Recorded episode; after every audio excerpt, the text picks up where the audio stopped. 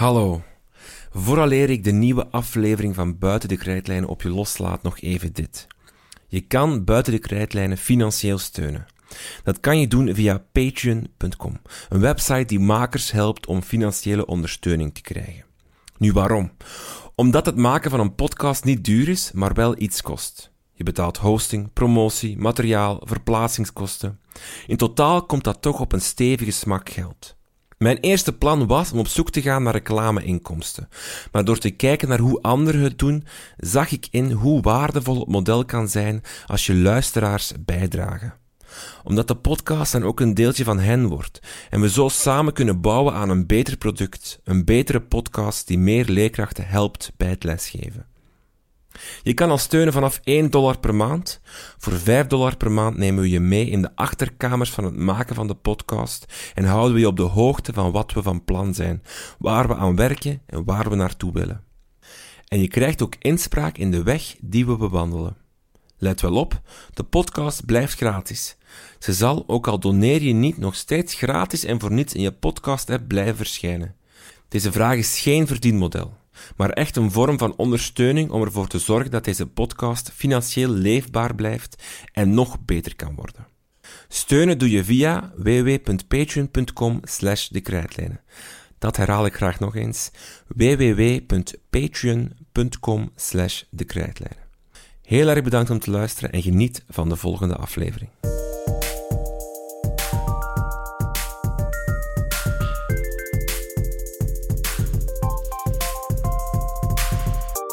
Hallo en welkom bij Buiten de Krijtlijnen. Ik klink misschien een beetje raar, maar dat komt omdat ik mijn opnamemicro niet meer uh, vind. Ik zit in een verhuis en alles al ingepakt. Dus uh, die zal hopelijk wel eens bovenkomen. Dus nu even vlug via de iPhone.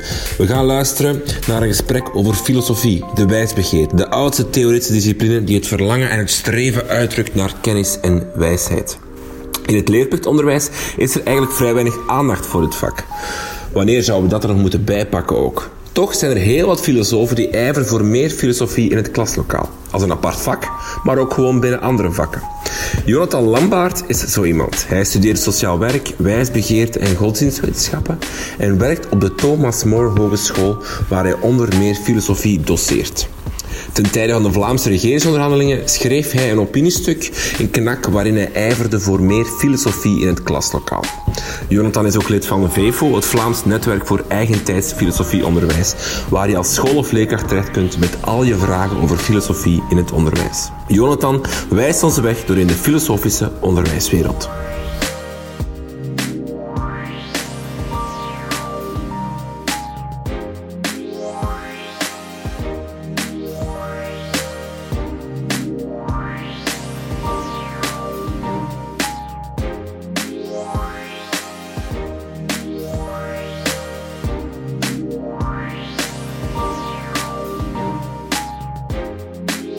Dag Jonathan Lambaert. Uh, filosofie in het onderwijs. Ehm, een thema dat misschien niet het meest prangende is wat op dit moment gaande is in onderwijs, maar toch wel een belangrijke. Wat is filosofie eigenlijk? Um, goedemiddag. Um, wel een heel interessante en direct moeilijke vraag om uh, de filosofie in één of enkele slagzinnen te vatten. Um, maar als ik het in één zin naar voren zou moeten schuiven, dan zou ik zeggen dat filosofie de kunst van de verwondering is en het uh, voortdurend uh, in vraag stellen van, van zelfsprekendheden. Is het dan eigenlijk meer een soort van attitude, houding, waar je over spreekt, of die je zou willen aanleren aan studenten? Uh, ja, inderdaad. Ik denk dat dat een uh, heel goede samenvatting is. Uh, filosofie is voor mij in eerste instantie inderdaad een houding, een, een attitude, een manier van je opstellen. En veel minder een soort discipline waar dat vaststaande kennis van buiten geleerd moet worden en die toegepast moet worden. Want ja, dat is op zich ook, ook een, een tak van de filosofie. Of toch wordt als je op de universiteit gaat studeren, dan moet je heel veel filosofen lezen of filosofen bestuderen, hun theorieën. Uh, als we dan even focussen naar uh, wat, uh, waar u voor ijvert, of waar ook het, het, het, het VFO, de Vereniging voor het Vlaams Netwerk voor Eigentijds Filosofieonderwijs, voor ijvert, het is ja. om in het leerplichtonderwijs filosofie te krijgen. Dat is dan meer die attitude waar u naartoe wilt, dan de, laten we zeggen, theorie of, of de, de, het bestuderen van bepaalde filosofische stromingen, theorieën? Ja, inderdaad. Dus zowel mijn eigen um, persoonlijke voorkeur, maar inderdaad ook een van de grote doelstellingen van het VEVO is inderdaad om um, filosofie in eerste instantie als een attitude en ook als een methode aan te leren aan kinderen, jongeren, uh, jongvolwassenen, volwassenen wat dat betreft. Uh, en wij maken ook graag het onderscheid tussen uh, het werkwoord filosoferen en dan het zelfstandig naamwoord filosofie, waarbij het filosoferen inderdaad verwijst naar de attitude, de, de methode, en de filosofie verwijst dan eigenlijk naar de traditie, al de grote denkers en een moeilijke, ingewikkelde theorieën die wij inderdaad in het hoger onderwijs uh, en in sommige scholen ook in het latere middelbaar um, krijgen. Maar volgens ons begint eigenlijk alles met de methode, met het filosoferen zelf. Kan je het ene zonder het andere doen? Kan je filosoferen zonder dat je toch enige notie hebt van uh, wie de filosofen zijn van de voorbije eeuwen, op wie al die theorieën of, of, of manieren, ik denk aan de, de Socratisch gesprek, als ik me goed herinner ooit, ja, en dat soort dingen, kan je dat dan doen zonder dat je weet wie, wie Socrates is en wat zijn, zijn ideeën daarachter waren? Um, wel, ik denk als ik, als ik de vraag heel zwart-wit benader, dan zou ik uh, volmondig ja zeggen. Het is mhm. perfect mogelijk om te filosoferen zonder enige notie te hebben van de grote filosofen uit het verleden of van het heden wat dat betreft.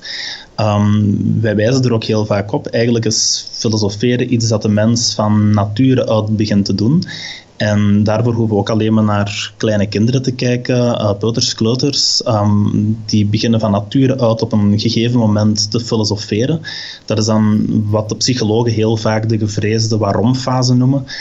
Um, en dat is net het eigenlijke moment waarop dat, uh, de mens begint te filosoferen. En het leuke om vast te stellen is dat dat op een heel natuurlijke manier gaat, een heel spontane manier.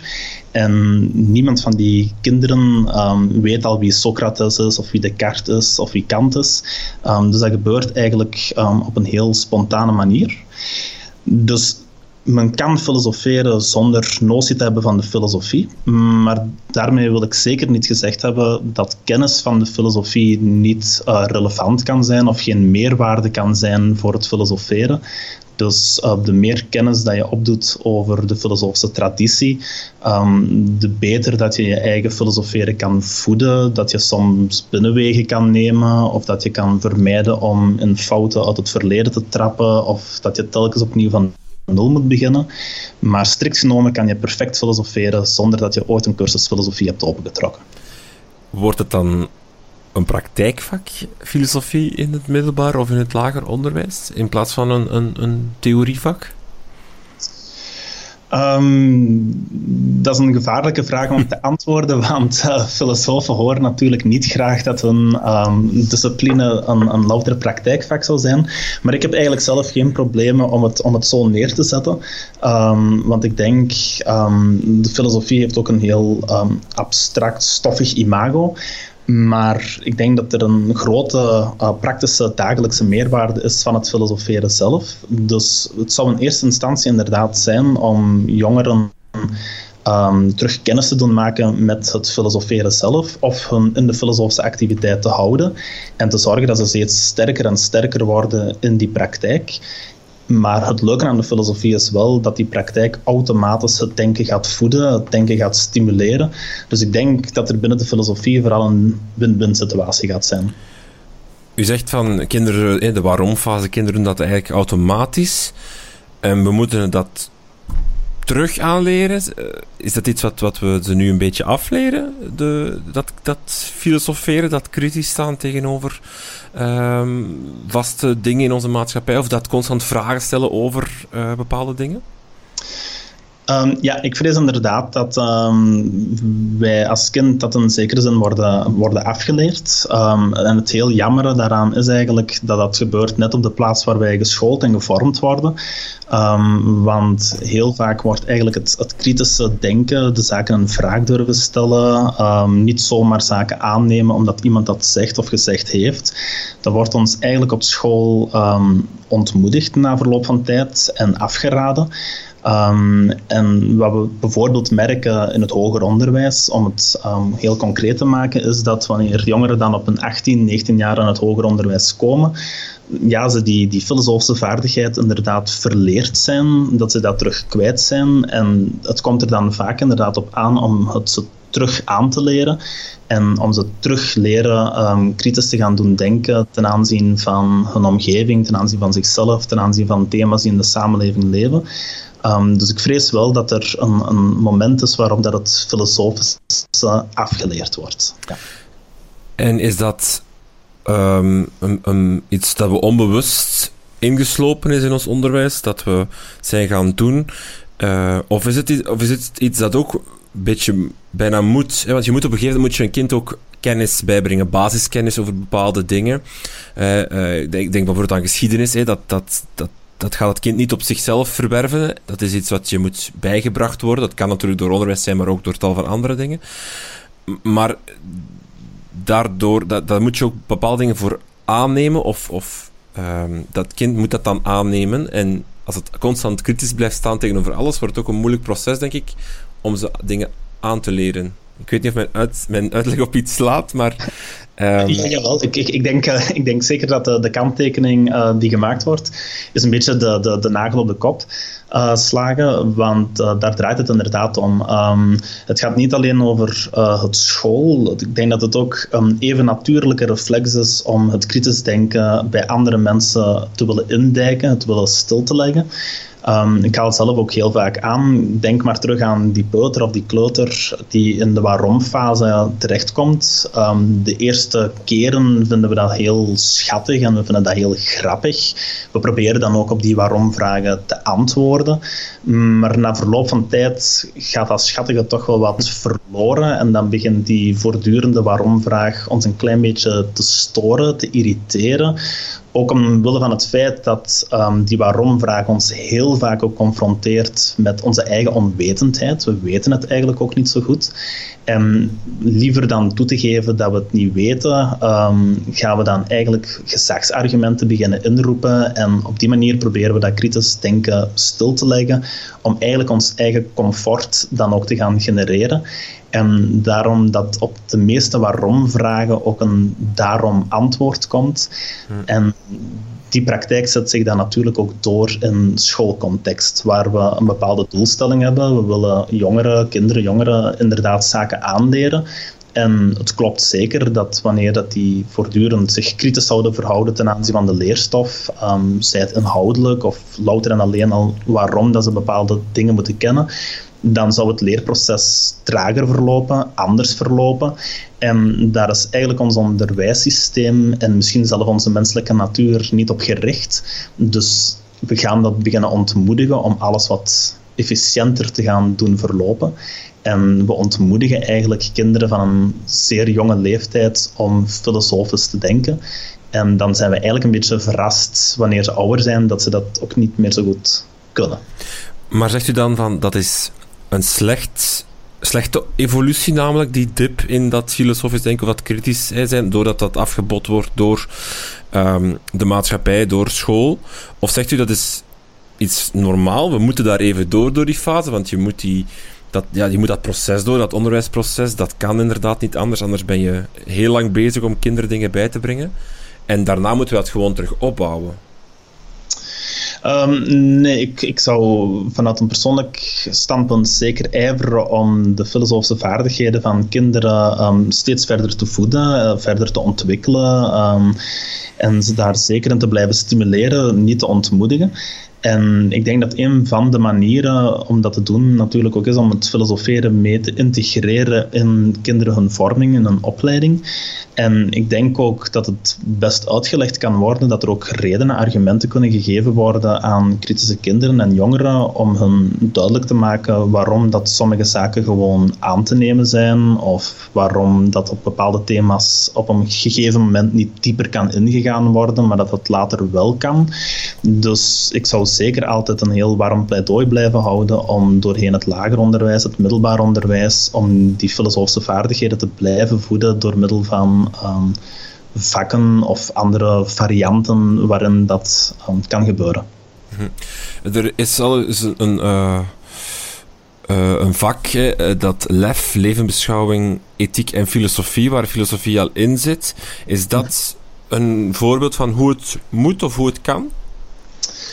Um, dat is zeker een voorbeeld van hoe het zou kunnen, um, maar ik weet zeker niet of dat het beste manier is um, om, het op die, um, om op die manier het aan te pakken. En uh, voor mij zit daar eigenlijk um, de grootste, uh, het grootste probleem zit eigenlijk ook in de samenstelling van het vak. U zegt het zelf, het gaat over levensbeschouwing, ethiek en filosofie.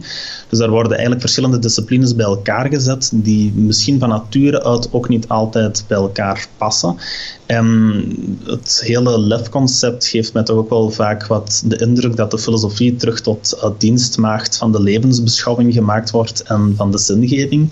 En ik denk dat dat de filosofie um, verengen is. Um, ik denk dat het eigenlijk allemaal bij de filosofie begint. De, kritische opstelling, het leren uh, zaken en vragen stellen. En ik denk dat het daarom wel verstandig zou zijn om een filosofievak te ontwikkelen of te integreren dat echt in haar eigen recht staat. Hmm, Oké. Misschien even uh, de waarom. Waarom moeten we filosofie dan gaan geven? We hebben al een deel gezegd, het gaat over die, die kritische insteek. Hè. De, de, in, u heeft een opiniestuk geschreven ten tijde van de Vlaamse regeringsonderhandelingen op, in KNAK, waarin u eigenlijk uh, ja, ijvert om filosofie een, een gedegen plaats te geven in dat, ons onderwijs. Uh, en u schrijft er ook in aan dat dat onderzoek aantoont dat filosoferen een gunstige invloed heeft op onze algehele cognitieve en affectieve vaardigheden van kinderen en jongeren. Uh, kan u dat even concreter maken? Waar wordt een kind dat filosofie krijgt beter in dan een kind dat dat niet krijgt? Um, wel, als we de twee uit elkaar zouden halen, dus zowel de cognitieve als de affectieve voordelen. Um, wanneer ik ga filosoferen, um, natuurlijk, het begint altijd bij die waarom-vraag, um, maar mensen gaan daar dan op antwoorden, gaan hun argumenten geven, gaan hun redenen geven waarom dat ze een bepaald standpunt innemen of niet innemen. En in het filosofisch gesprek dat we dan met elkaar voeren, ga ik heel snel ook argumenten te horen krijgen waar ik zelf niet aan gedacht zou hebben, of die mij in eerste instantie minder aanspreken. En doorheen het filosofisch gesprek gaan er eigenlijk verschillende gezichtspunten bij elkaar komen. En iemand die bereid is om door middel van de filosofie met anderen in gesprek te gaan, gaat eigenlijk ook meer um, empathie kunnen ontwikkelen voor um, andere standpunten, omwille van het feit dat hij daarmee geconfronteerd wordt, daar de meerwaarde van gaat leren inzien en ook sterker gaat bereid zijn om te luisteren naar wat iemand anders wilt aanbrengen. Dus zeker het filosoferen voedt in dat opzicht de affectieve houding van kinderen, jongeren en zelf nog altijd volwassenen wat dat betreft. Um, het cognitieve luik um, zit eigenlijk in het, uh, het, het, filosofische spel zelf. Um, dus filosofen vinden het heel leuk om met concepten te spelen, om na te gaan van wat er met bepaalde woorden wordt bedoeld, of waarom dat we bepaalde zaken zien, of waarom dat we bepaalde zaken doen. En soms zit daar zelf gewoon het leuke in van met die zaken te gaan spelen, die te gaan onderzoeken, te kijken welke redenen daar destijds voor waren. En dat voedt eigenlijk gewoon het, het, het conceptuele denken, het abstracte denken. En dat kan vergeleken worden met, met denksporten of andere denksporten. Um, en natuurlijk, de meer dat je daaraan overgeeft, de meer dat je daaraan participeert, de beter dat je daaraan wordt. Dus daar zit zeker ook weer opnieuw een meerwaarde van diegenen die van jongs af aan het filosoferen onderhouden, gaan veel vlotter mee kunnen in denkredeneringen um, en abstractere vormen van gedachten. Mhm. Als u gewoon algemeen naar de maatschappij kijkt, is filosofie dan een soort van onderschat, onderschatte wetenschap of onders, onderschat vak in onze maatschappij?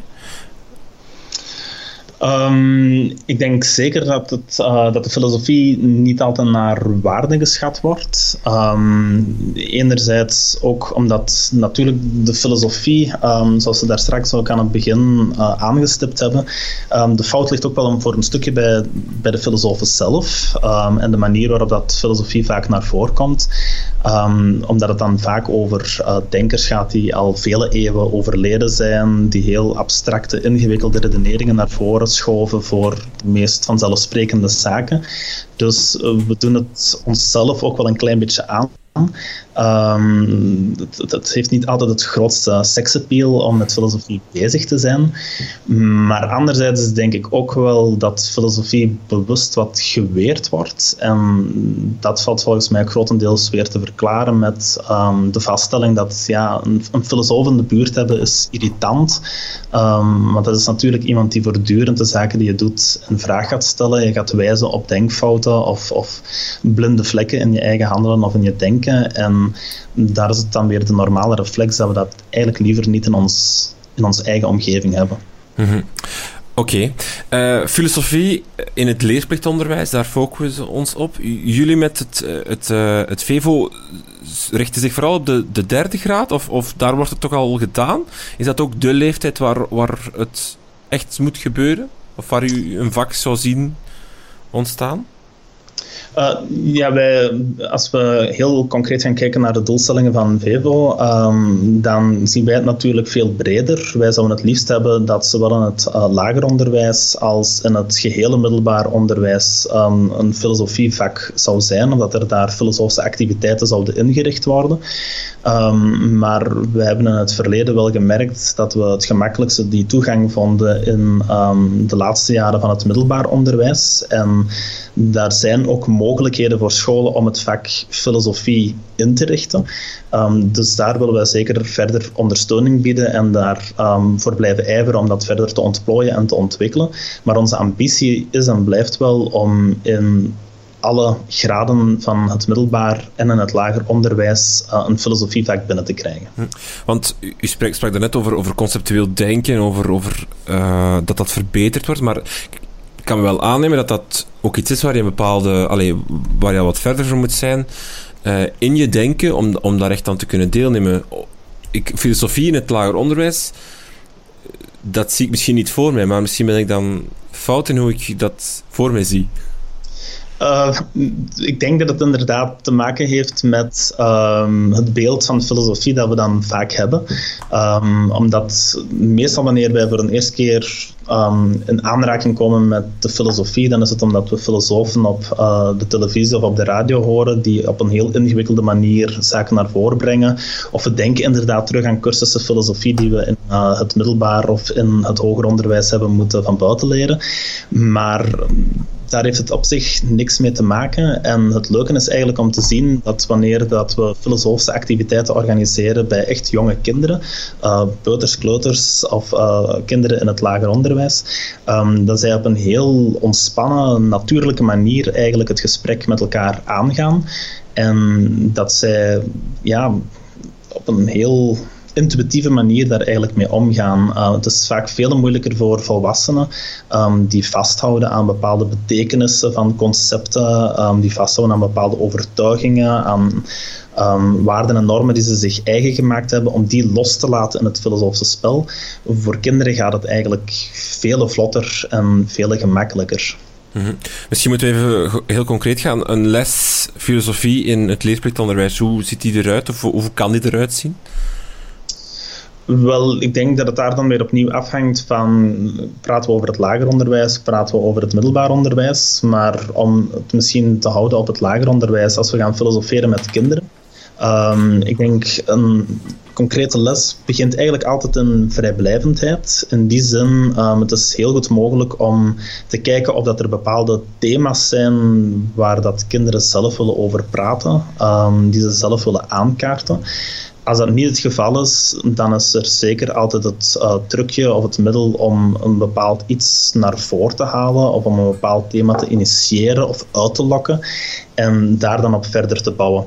Maar het is altijd belangrijk voor de filosofie leerkracht of voor diegene die de filosofische activiteit begeleidt om ervoor te zorgen dat hij alleen zaken voedt, dat hij vragen opwerpt waar dat de deelnemers aan kunnen inpikken, maar dat hij eigenlijk de zaken niet te veel stuurt en dat hij zeker zelf ook niet te veel antwoorden gaat geven, omdat we anders heel snel terug in het klassieke paradigma vallen van um, de wijze leerkracht die alles weet mhm. en die zijn kennis gaat meedelen aan um, zijn klas. Mhm. Dus, dus eigenlijk een, een heel open, uh, vrij klasgesprek, waarin zonder grenzen gesproken, gedebatteerd, naar elkaar geluisterd kan worden? Um, ja, het, een, het, is een heel open en, en, vrij gesprek, maar het is natuurlijk ook geen vrijblijvend gesprek. Um, we, gaan, we merken, uh, of we stellen natuurlijk wel altijd vast dat wanneer over bepaalde thema's gesproken wordt, um, in het begin is dat natuurlijk een beetje oppervlakkig, dan heeft het vaak ook wel iets ludiek, maar naarmate dat we meer diepgang verwerven in het gesprek, wordt het ook ernstiger. en dan moet je natuurlijk als uh, filosoof gespreksleider of als leerkracht wel mee een oog en een zeil houden dat de veiligheid um, gewaarborgd blijft en dat iedereen ehm, die zijn standpunt of zijn argumenten op tafel legt, uh, dat hij of zij natuurlijk wel het, ook het gevoel heeft dat hij gehoord wordt en dat zijn argumenten ook aangenomen worden.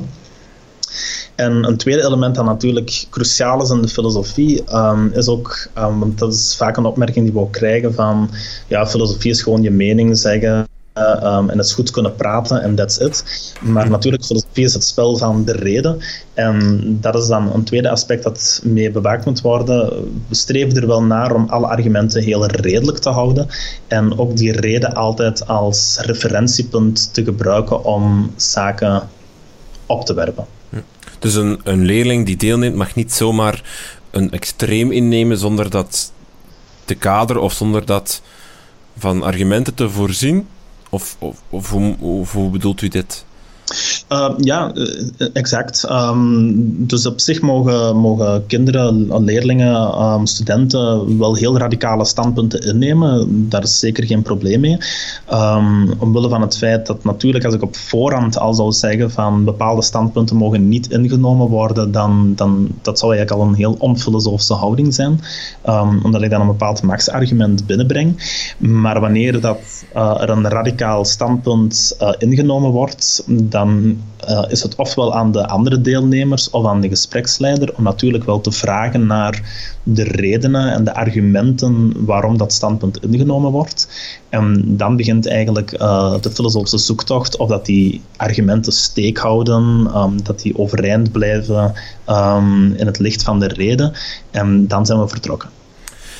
Uh, heel dat, dat proces. Um het, het, formuleren van zo'n zo'n mening, het argumenteren van zo'n mening, het luisteren naar elkaar, het, het openstaan ook om je mening te veranderen, dan neem ik aan.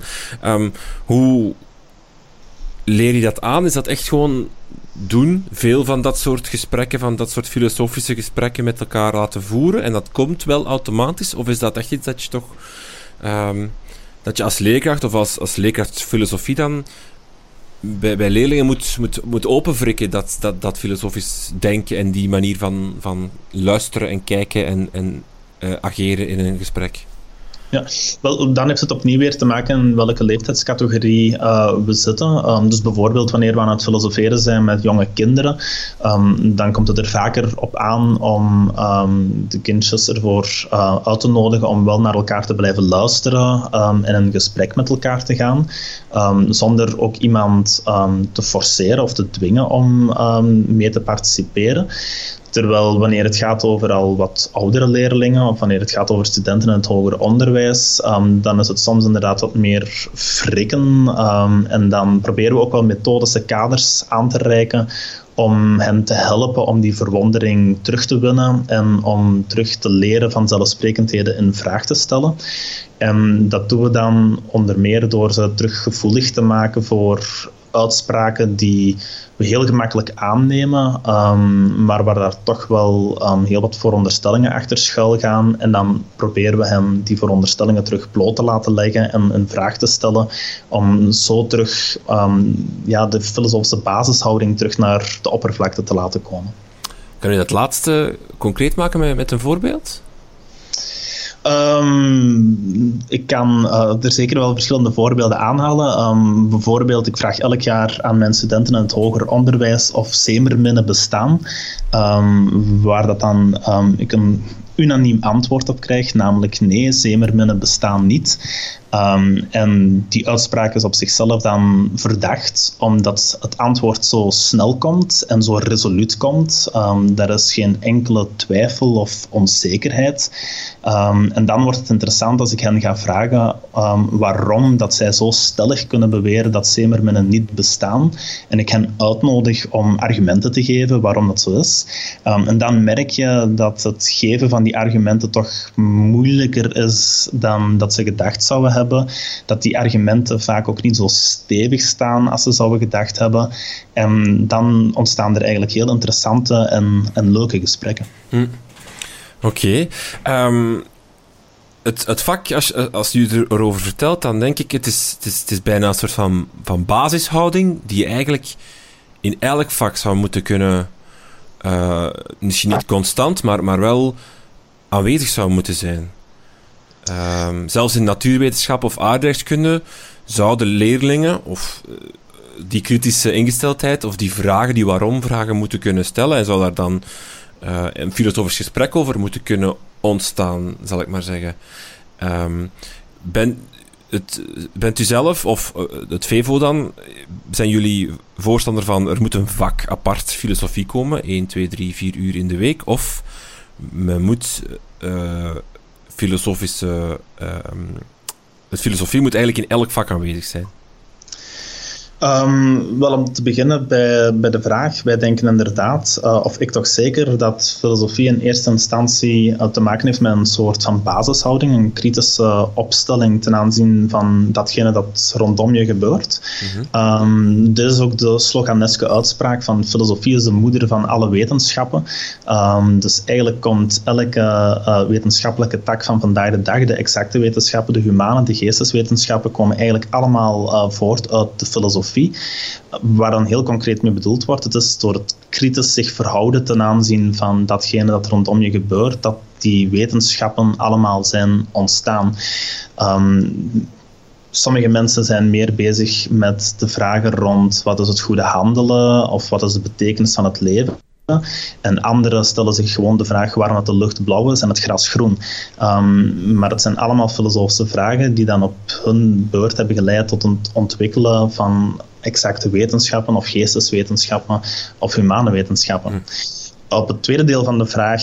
Um, wij staan geen specifieke schabloonformule voor. Um, dus wij staan vooral open om te kijken van hoe kunnen we het uh, filosoferen ingang laten vinden in het onderwijs.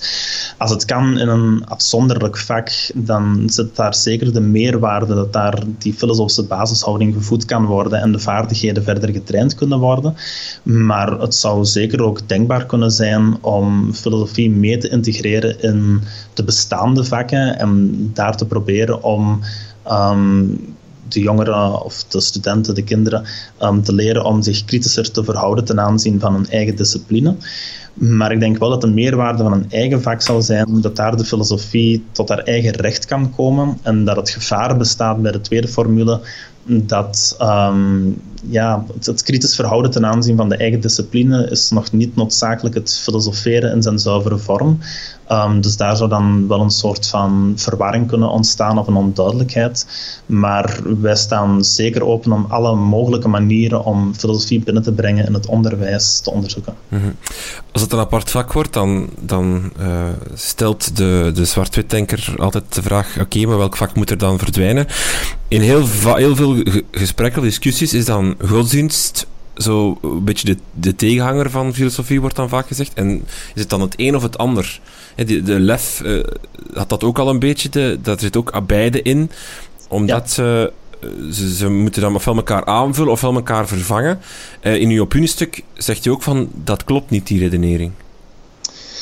Uh, nee, het, klopt inderdaad uh, niet volgens mij die redenering om filosofie en um, religie of levensbeschouwelijke vakken tegenover elkaar te plaatsen als een soort van alternatief.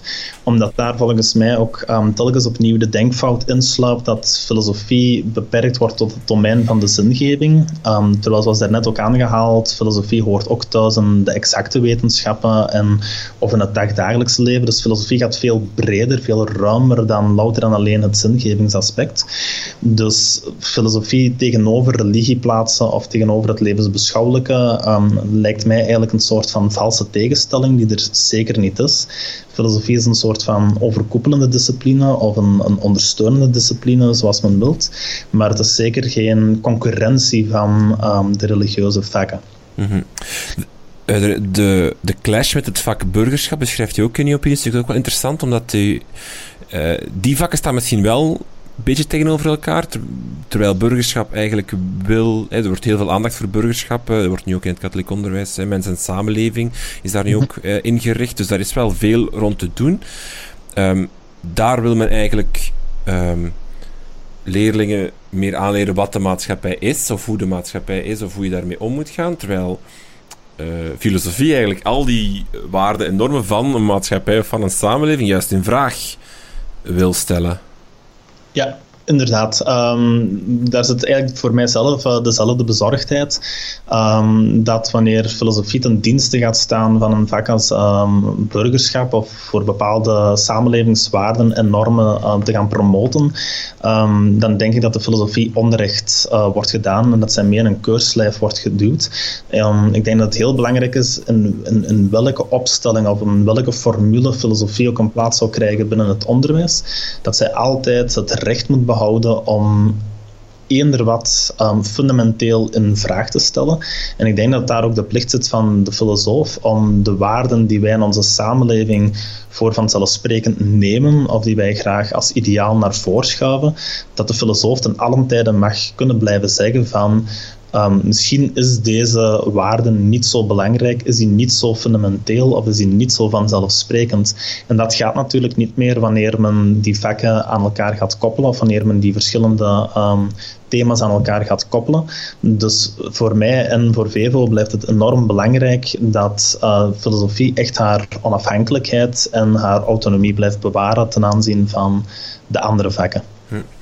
Dus als bijvoorbeeld een leerkracht besluit die mensen een samenleving geeft, bijvoorbeeld in de eerste graad van het secundair onderwijs, en die uh, filosofie even wil doen, of filosofie, wil filosoferen met zijn klas, en um, er is een leerling die een mening verkondigt die niet past binnen ons maatschappelijk uh, waarde- en normenkader, uh, bij wijze van spreken um, die, die racistische uitlating doet bijvoorbeeld, dan mag die niet terechtgewezen worden door de leerkracht, of mag niet het, dat kader worden opgelegd. Dan moet daar verder filosofisch mee in gesprek gegaan worden? Of, of Um, ja, ik, ik, ik, vind, ik vind van wel. Um, ik denk sowieso dat het um, wanneer een, een leerkracht beslist om binnen zijn vak uh, te gaan filosoferen, dan denk ik dat de spelregels heel duidelijk moeten zijn en dat de leerkracht duidelijk moet maken dat hij zijn uh, als leerkracht van een specifiek vak afzet en dat hij dan op dat moment als een soort van filosofisch gespreksleider optreedt.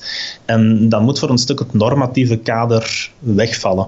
En als dan een leerling een, een uitspraak doet of een, een stelling inneemt um, waarvan wij inderdaad um, spontaan zouden zeggen van dit hoort niet, um, dan zou het in het filosofisch gesprek wel moeten kunnen dat hij die stelling poneert en hij zou daar niet voor uh, op de vingers getikt mogen worden of hij zou daar niet voor gedisciplineerd mogen worden of gestraft mogen worden. dan moet ook wel echt het filosofische spel kunnen plaatsvinden. En dan is het enige dat de filosoof kan doen wanneer zo'n uitspraak gebeurt, is uh, vragen naar de redenen die gegeven worden voor die uitspraak. En dan samen gaan onderzoeken of dat die redenen eigenlijk wel redelijk zijn of niet.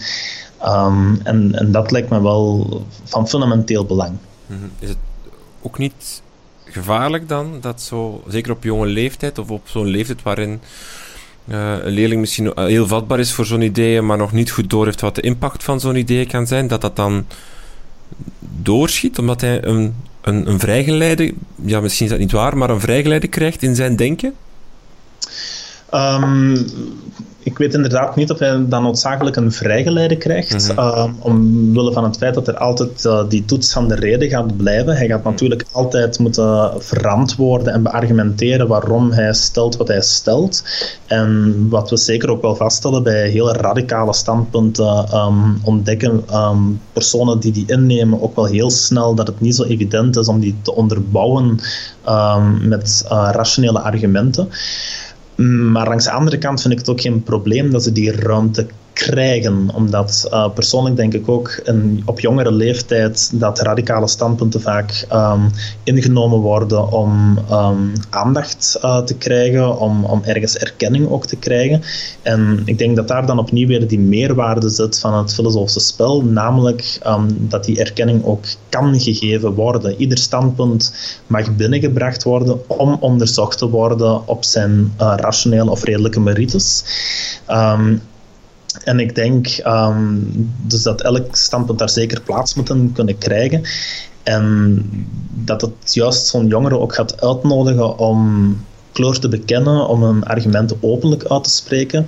Want ik denk dat het een illusie is om te denken dat als we jongeren daarin ontmoedigen, dat die meningen dan als vanzelf gaan verdwijnen. Ik denk, -hmm. wanneer ze ontmoedigen, dan gaan ze onderhuids. Um, dan zoeken ze andere kanalen om ze te ventileren.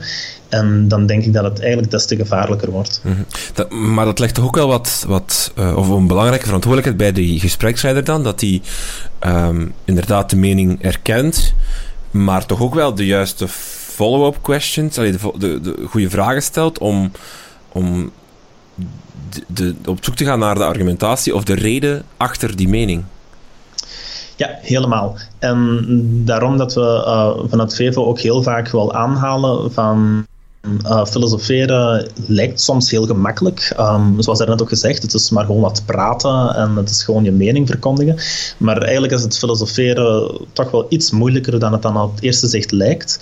En zeker diegenen die de filosofische gesprekken leiden of die de filosofische debatten voeden en mee moeten omkaderen, moeten inderdaad wel mensen zijn die over redelijk wat competenties beschikken. Um, zij moeten zelf natuurlijk die empathie en openheid um, kunnen betonen naar de meest uiteenlopende soorten standpunten.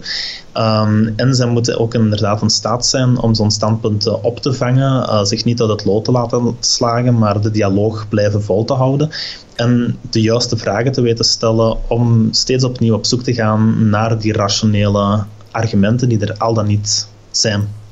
Kan dus heeft het echt te maken met wat voor persoon je bent, de dingen die je net opzomt, van, en dan kan je je wagen aan lessen filosofie te geven? Of moet je er toch ook een soort van opleiding, of, of moet je filosofie gestudeerd hebben om het te, om, of, om het te kunnen, of gekregen hebben in, de, in, de, in je studies, om het te kunnen geven zelf? In het, in het leerplichtonderwijs dan bijvoorbeeld? Um, wel, ik denk sowieso dat de, filosofische gespreksleiders moeten um, heel veel uh, ervaring opgedaan hebben. Ik denk ook hier um, gaat het oude adagio van oefening baart kunst. dus de meer dat je zo'n gesprekken begeleid hebt, daaraan deelgenomen hebt, de beter dat je natuurlijk ook wordt om in die dynamiek mee te stappen. ik denk zeker dat het wel verstandig is om ook een stuk scholing daarin te volgen. Um, nu alleen wanneer uh, we gaan kijken naar de opleidingen uh, wijsbegeerte of filosofie aan de, de Vlaamse universiteiten, um, ja, daar gaat het vaak niet over de, de, de, filosofische methode, het filosoferen zelf, maar daar zitten we terug in die historische overzichten van denkers en het bespreken van denkers. Mm -hmm. Maar er zijn in um, Vlaanderen um, wel opleidingen tot filosofisch gespreksleider, um, die heel concreet inzetten op die vaardigheid om zo'n filosofische gesprekken te initiëren, te voeden, te omkaderen, te begeleiden en daarin te ondersteunen.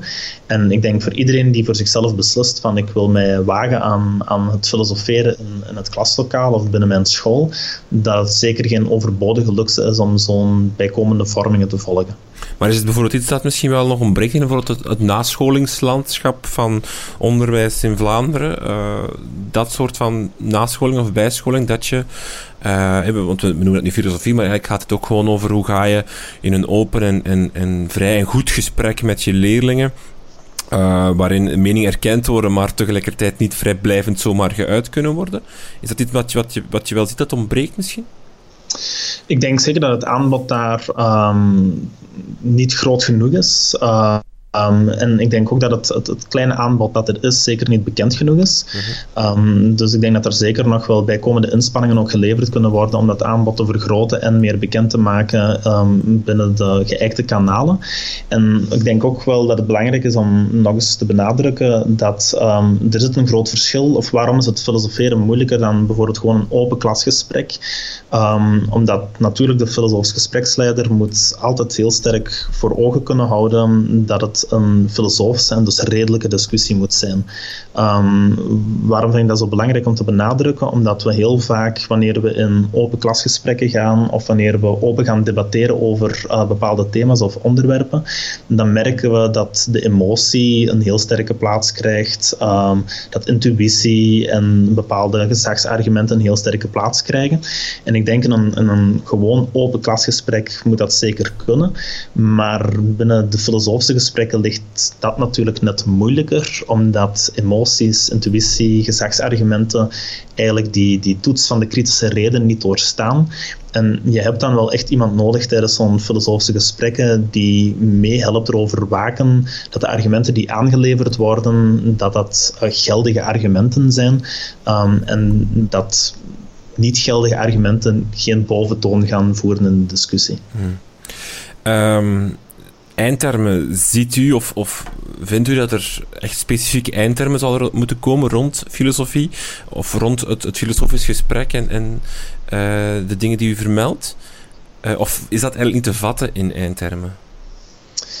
Um, dat is een heel moeilijke vraag. Um, ik denk wel dat alles wat binnen het onderwijs uh, aangereikt wordt van competentie, van vaardigheid, van kennis, um, dat dat natuurlijk getest moet worden of getoetst moet worden en dus ergens ook zijn plaats moet krijgen binnen de eindtermen.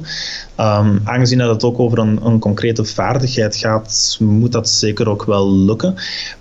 Maar als filosofisch opgeleide ben ik inderdaad ook wel altijd behoedzaam om de filosofie te beoordelen Um, dus ik denk diegenen die dan de eindtermen zouden opstellen um, rond de filosofische vaardigheden die jongeren zouden moeten meekrijgen vanuit het onderwijs, dat zij natuurlijk ook zelf moeten zorgen dat ze binnen de grenzen van het filosofische hm. blijven. Mhm. Ehm, en misschien nog een laatste bedenking over, over, over filosofie en onderwijs is. is het wel iets voor het onderwijs? In de zin, eh, de, de, er, is, er wordt gigantisch veel naar onderwijs geschoven dat, dat misloopt of dat tekortschiet of dat we hem nodig hebben in onze maatschappij. We, we hebben al burgerschap eh, of burgerzin. Um, is filosofie dan echt iets dat, Kan dat nergens anders terecht? Eh, dat, dat, om om die, uh, die vaardigheden aan te leren. Omdat we, als we de lijst afgaan van, van opiniestukken mensen die claimen dat iets bepaald aangeleerd moet worden in het onderwijs, dan zijn we eindeloze, of kunnen we een eindeloze lijst maken? Uh, dat klopt en uh, ik ben het ook zeker eens dat uh, het onderwijs overbevraagd wordt ehm, in het aantal competenties dat zij zouden moeten aanbrengen of moeten aanleren. Um, ik begrijp ook wel dat de vraag voor filosofie daar een plaats in te geven ja, een zoveelste vraag is. En zoals ik daar straks ook aanhaalde, van alles wat erbij komt, betekent ook dat er bepaalde zaken uit moeten. En mhm. dat zijn heel gewichtige discussies. Maar ik denk dat alles er ook gewoon mee te maken heeft van waar willen wij als samenleving um, prioriteit op leggen? Wat vinden wij um, het meest cruciale om aan toekomstige generaties mee te geven? En ik denk dan dat de filosofie natuurlijk wel een heel sterk, um, een heel sterk karakter heeft, of een heel sterke vraag heeft. Omdat het natuurlijk gaat over um, willen wij een, een kritische, um, ruimdenkende, empathische generatie opleiden die, die gemakkelijk mee kan met uh, veranderingen die rondom hen heen gebeuren of niet. En ik denk dat dat wel, een, net zoals de filosofie zelf, een heel fundamentele vraag aansnijdt. Dus ik denk wel dat de filosofie sterke kaarten heeft om haar plaats op te eisen of terug op te eisen binnen het onderwijslandschap. Mm. Oké. Okay. Uh, ik las op jullie website dat een dertigtal scholen in, in Vlaanderen al uh, het doen, filosofie in, uh, geven op school. Dat klopt. Ja. Mensen kunnen ook terecht op de website van, van Vevo over voor lesmateriaal en dergelijke. Er staan boeken op. Er is zelfs een, een leerplan bij het katholiek onderwijs, als ik me niet vergis. Ook dat klopt, ja. ja.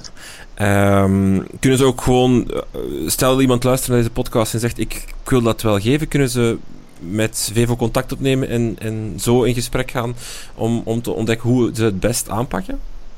Ja, inderdaad. Dus uh, op uh, de website van Vevo um, staat heel veel informatie, handboeken, leerplannen, zoals u allemaal aanhaalt. dus ik denk iedereen die geïnteresseerd zou zijn um, om zich te verdiepen in um, filosofie als vak op, op school, gaat daar zeker heel wat materiaal vinden. Maar stel dat zij nog met bijkomende vragen zitten of dat zij zoekende zijn in het aanbod, dan kunnen zij ons ook altijd contacteren.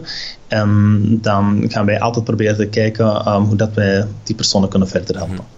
In Nederland, uh, las ik, is het een keuzevak nu in de uh, boven, uh, bovenbouw, dus de vierde en vijfde, zesde jaar. Ook Frankrijk doet het al op, op structurele basis, als ik me niet vergis. Um, ja, dat klopt. Eigenlijk zijn er verschillende Europese landen um, waar filosofie al een een, een, tamelijk grote plaats heeft uh, binnen het middelbaar onderwijs. Dus zoals u aanhaalde, Nederland, Frankrijk, ook zeker Italië. Um, dus op dat vlak hinkt uh, Vlaanderen wel wat achterop. Um, ook Wallonië doet al, al één uurtje sinds 2017. Hè? Inderdaad, ook ja. uh, Wallonië heeft uh, een paar jaar geleden besloten om filosofie een, een eigen plaats te geven. Um, nu, zoals u daar net ook wel uh, aanhaalde, de mogelijkheid bestaat. Um, dus er is een, een, een, vak filosofie dat in de derde graad kan ingericht worden. Maar um, het blijft wel een vrije keuze van de inrichtende machten, van de scholen zelf, of zij het al dan niet willen programmeren. Mm -hmm. Wel, wel frappant dat in het andere deel van ons land dat daar gekozen is, als ik juist leest. In alle jaren van het secundair onderwijs wordt er één uur filosofie en citoyenneté, als ik het juist uitspreek. Mijn Frans is niet fantastisch. Um, dat is wel een groot verschil met hier, hè, waar, waar het, debat rond filosofie in het onderwijs veel minder woedt. Um, daar zit inderdaad een heel opvallend verschil. Um, ik zou ook zeker niet de verklarende factor kunnen aanhalen. Um, natuurlijk is het wel zo dat Wallonië in cultureel opzicht vaak ook over de grens kijkt en gaat kijken hoe dat Frankrijk de zaken aanneemt. Dus misschien hebben ze daar ook voor een groot stuk inspiratie uitgeput. en natuurlijk is ook de situatie in Wallonië een beetje verschillend, waar dat het levensbeschouwelijk onderwijs uh, minder sterk of toch minder sterk geprofileerd staat. En dat zijn natuurlijk factoren die wel, wel helpen in deze discussie. Oké. Jonathan Lambaerts, dank je wel voor deze verduidelijking. Heel graag gedaan.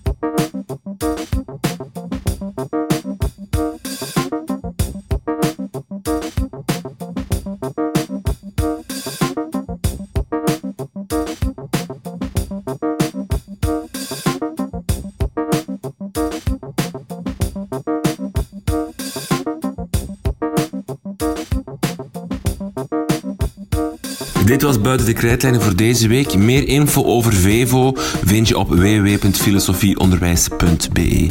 U kan deze podcast financieel steunen via www.patreon.com slash de. Met al 1 euro per maand kan u uw steentje bijdragen. Meer info over deze podcast vindt u via www.dekrijtlijnen.be, op Twitter via @dekrijtlijnen of via facebook.com slash. Dank voor het luisteren en tot de volgende.